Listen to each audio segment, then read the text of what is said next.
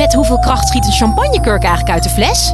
Ja, het is feest bij Quest. Al twintig jaar serieus leuk, met nieuwsgierige vragen en antwoorden uit de wetenschap. Zo maken we Nederland elke dag een stukje slimmer. Nu in de winkel en op quest.nl. Hey, leuk dat je luistert. Sophie hier. De Universiteit van Nederland bestaat 10 jaar. En dat willen we natuurlijk vieren, samen met jou. Dus deze zomer krijg jij van ons het beste dat we maakten in 10 jaar tijd. Volgens onze cijfers is een van jullie favoriete onderwerpen, ja hoe kan het ook anders? De liefde. In alle vormen en maten. De wetenschap onderzoekt liefde van hart tot smart en van vonk tot vreemdgaan. We hebben alles voor je verzameld en je vindt de afleveringen in de beschrijving van deze podcast of op onze website universiteitvannederland.nl. Nu hoor je socioloog Ellen Verbakel en haar antwoord op de vraag: waarom kiezen we bijna allemaal een partner die op ons lijkt? Enjoy!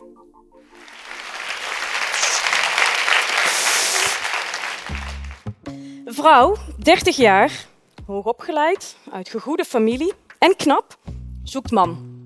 30 tot 35 jaar, ook hoogopgeleid, met goede baan, sportief, muzikaal, creatief, avontuurlijk, maar bereid te settelen, zorgzaam, zelfverzekerd en tegelijkertijd kwetsbaar. En verder aantrekkelijk, thuis in de Aziatische keuken en liefst ook kenner van Bach. In onze zoektocht naar een partner hebben we veel persoonlijke wensen en sommige extreem veel. Het voelt als iets heel persoonlijks en al onze verhalen hier in de zaal zijn unieke verhalen. Maar als socioloog ga je kijken naar patronen in al die uh, individuele partnerkeuzes tezamen. En dan ontdek je dat het niet alleen maar die persoonlijke wensen zijn die een rol spelen, maar dat er ook andere factoren zijn. Dus in het volgende kwartier niet een um, romantisch verhaal over die ene liefde, maar een sociologisch perspectief op partnerkeuze. Een enorm consistente bevinding in het uh, sociologisch onderzoek is um, dat mensen een partner hebben die op hen lijkt. En met op elkaar lijken bedoel ik in termen van opleiding, religie, etniciteit, herkomst, klasse, leeftijd, dat soort zaken. En ik heb het niet over persoonlijkheid. Drie dingen zijn belangrijk, spelen eigenlijk een rol bij die partnerkeuze. In de eerste plaats moet, het, ja, moet er een eerste ontmoeting plaatsvinden, anders wordt het natuurlijk eigenlijk nooit een relatie. Dus we zijn afhankelijk van ontmoetingskansen. Alle mensen die wij ja, tegenkomen uh, in ons leven, die vormen de pool van potentiële partners. Ja, daar zijn we tot beperkt. Daar zullen we het mee moeten doen.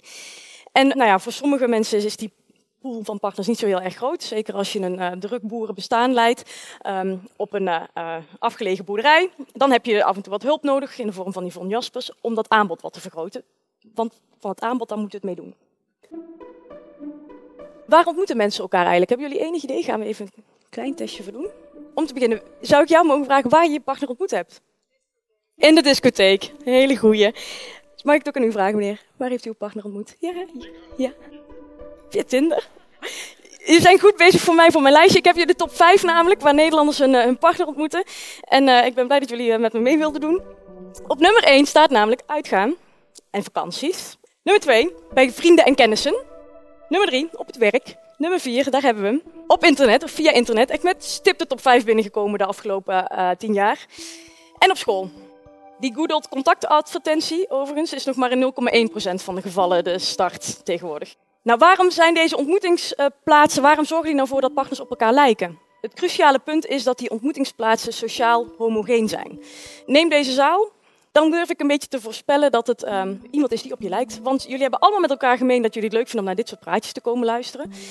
Mijn voorzichtige schatting zou ook zijn dat uh, de meeste van jullie een bovengemiddeld opleidingsniveau hebben. Ja, en als dit de mensen zijn die je ontmoet, zul je dus sowieso al een beetje op elkaar lijken. Een um, onderzoeksbevinding waar het belang van die ontmoetingskansen eigenlijk uitspreekt, komt uit onderzoek naar homogamie. Dat is de mate waarin partners op elkaar lijken. Onder homoparen in vergelijking met heteroparen. En die pool van potentiële partners is onder homo's veel kleiner, omdat ze uh, kleiner in aantal zijn. En inderdaad zien we dat uh, homoparen, dat er minder gelijkheid is in opleiding tussen de partners dan dat we bij heteroparen zien. Nou, binnen deze pool van potentiële partners um, kunnen we gaan kiezen. En dan komen die persoonlijke wensen uh, aan bod. En die zijn er eigenlijk in twee soorten, die voorkeuren. De eerste soort voorkeur is die voor sociaal-economisch succes. Het leven is nou eenmaal gewoon makkelijker als je het, het financieel uh, goed hebt. Um, en een partner met veel inkomen of status of prestige is aantrekkelijk. Ja, en in principe geldt ook, nou ja, hoe hoger hoe beter. Maar als we een voorkeur hebben voor hoe hoger, hoe beter, waarom zouden we dan partners hebben die op ons lijken?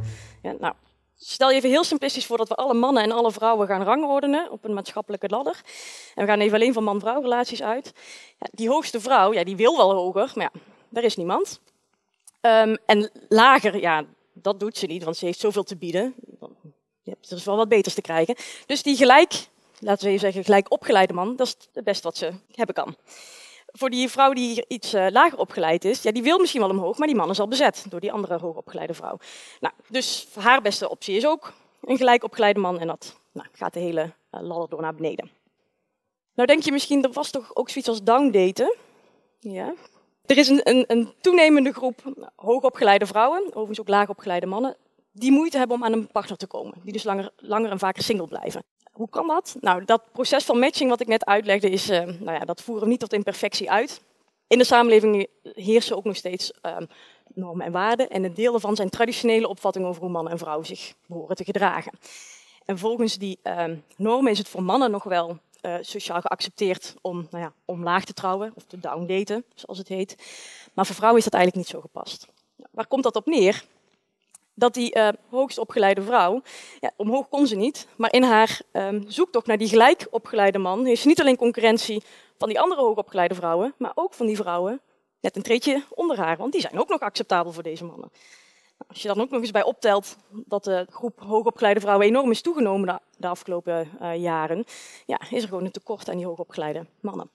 Dit was allemaal een, die um, voorkeur voor sociaal-economisch succes. We hebben ook een heel andere soort voorkeur. Een beetje een culturele zin, eh, dat we iemand graag, graag iemand hebben die op ons lijkt.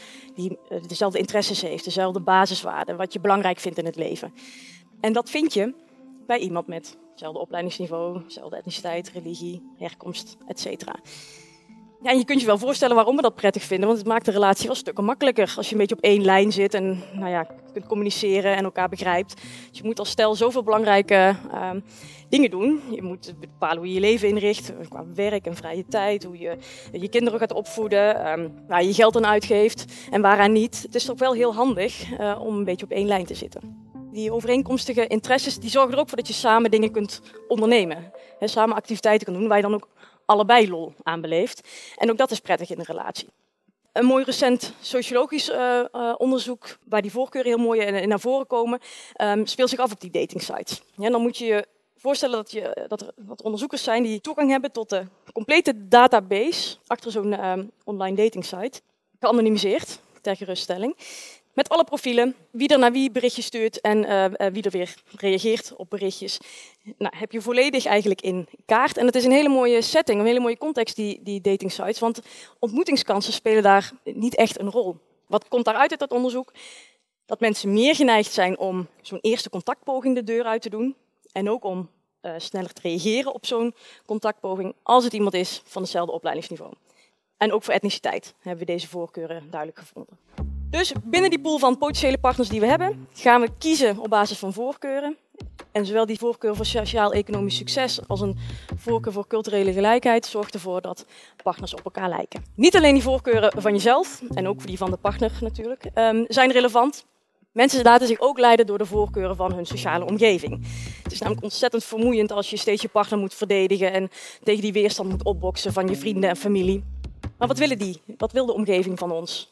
Die wil eigenlijk ook dat we iemand kiezen die op ons lijkt uit de eigen groep. Want er is een behoefte om de groep in stand te houden. Dus daarom niet te veel invloeden van buitenaf te laten komen om waarden en normen te beschermen, om posities te beschermen. Een heel duidelijk voorbeeld daarvan vind je in het verzuilde Nederland. Als je destijds als uh, nou, zeg, protestantse jongen een uh, katholiek meisje naar huis wilde nemen, botst dat op heel veel weerstand. Die families die verzagen allemaal problemen. Dat protestantse invloeden de katholieke familie binnen zouden komen. En hoe, hoe moeten die kinderen nou opgevoed worden? Dat was eigenlijk een bedreiging van het voortbestaan van de eigen groep. Doordat ik deze voorbeelden gebruik, denk je misschien dat het helemaal niet meer van deze tijd is, um, die invloed van de sociale omgeving. Maar dat is niet waar. Dat is nog steeds van alle tijden. Want het willen behoren tot een groep en je willen conformeren aan de, um, aan de wensen van je omgeving, dat is iets blijvends. En dit is waarom ik dit als, ja, als socioloog zo'n intrigerend onderwerp vind, die partnerkeuze. Omdat het allemaal die ontzettend individuele beslissingen lijken, uh, zijn, zijn individuele beslissingen. Maar op dat hogere niveau, als je al die beslissingen tezamen kijkt, zien we dat zonder dat die individuen daar zelf eigenlijk uh, weet van hebben of het dat doorhebben, dat er gevolgen zijn voor de samenleving, die zijn eigenlijk negatief. Want dat soort soort mechanisme zorgt ervoor dat er of um, huishoudens bestaan met um, ja, zeg hoogopgeleid, hoogopgeleid. Of juist met laagopgeleid, laagopgeleid. In plaats van allemaal huishoudens die een beetje gemengd zijn in opleidingsniveau. En bedenk maar eens, het maakt nog wel een beetje uit als kind uh, of jij opgroeit in dat uh, dubbel succesvolle gezin of in dat dubbel minder succesvolle gezin. Dat bepaalt of jij uh, uh, bij een sportvereniging kan en op muziekles. Of je meegenomen wordt naar de bibliotheek en naar het theater. Of je huiswerkbegeleiding en CITO-toetsenbegeleiding krijgt. Ja? Dus die partnerkeuze, al die individuele partnerkeuzes, zorgen voor een gelijkheid die zich ook nog eens doorzet naar volgende generaties. Daarnaast een heel ander soort gevolg van al die partnerkeuzes is dat er eigenlijk minder integratie is in de samenleving dan zou kunnen. Ja, als alle autochtonen onder elkaar blijven kiezen, ontstaan er geen dwarsverbanden. En juist die dwarsverbanden kunnen zorgen voor onderling begrip en integratie. Dus dit zou misschien willen zeggen dat we voor de samenleving eigenlijk misschien beter liever dit uh, hebben. Een vrouw, 30 jaar, hoogopgeleid en uit gegoede familie. Een overtuigd atheïst zoekt man. Ik hou van iets anders. Ben jij die laagopgeleide, diepgelovige man van middelbare leeftijd? Schrijf me. Maar o jee, dilemma. En hier wordt het als voor socioloog weer interessant. Want wat heeft onderzoek ook uitgewezen? Dat relaties waarin partners niet op elkaar lijken, of weinig op elkaar lijken, in opleiding, religie, etniciteit, herkomst, dat die sneller uit elkaar gaan. Met alle negatieve gevolgen, ook voor de samenleving van dien. Dus tja, wat te doen? Laten we op persoonlijk vlak maar gewoon blijven kiezen voor die partner, omdat hij of zij nou, zo lief, leuk, spontaan, grappig en aardig is. Uh, en als je dan toch een keer bedenkt, hey, we lijken eigenlijk best wel veel op elkaar in sociaal opzicht. Nou, geef dan maar gewoon de schuld um, aan die ontmoetingskansen, voorkeuren en de sociale omgeving. Dankjewel, Ellen. Hey, en wil je meer horen over de liefde? Nou, dat kan. Want om ons tienjarige bestaan te vieren, hebben we alles dat we maakten over dit onderwerp voor jou op een rijtje gezet. Wat ik onderzoek is hoe het brein omgaat met seksueel gedrag, hoe het seksueel gedrag aanstuurt. En ik ben met name geïnteresseerd in het seksuele genot, hoe het brein dat voor elkaar krijgt. Zet jezelf op een Tinder-dieet. Check vijf profielen en sluit de app dan weer. Probeer eens iets langer naar een profiel te kijken in plaats van die enkele seconden die mensen daar normaal gesproken aan besteden. We hebben een, een, onderzoek gedaan waarbij we hebben gekeken naar het, het effect op die populatie bacteriën in de mond na een tongzoen. Je vindt alle afleveringen in de beschrijving of op onze website. Thanks voor het luisteren.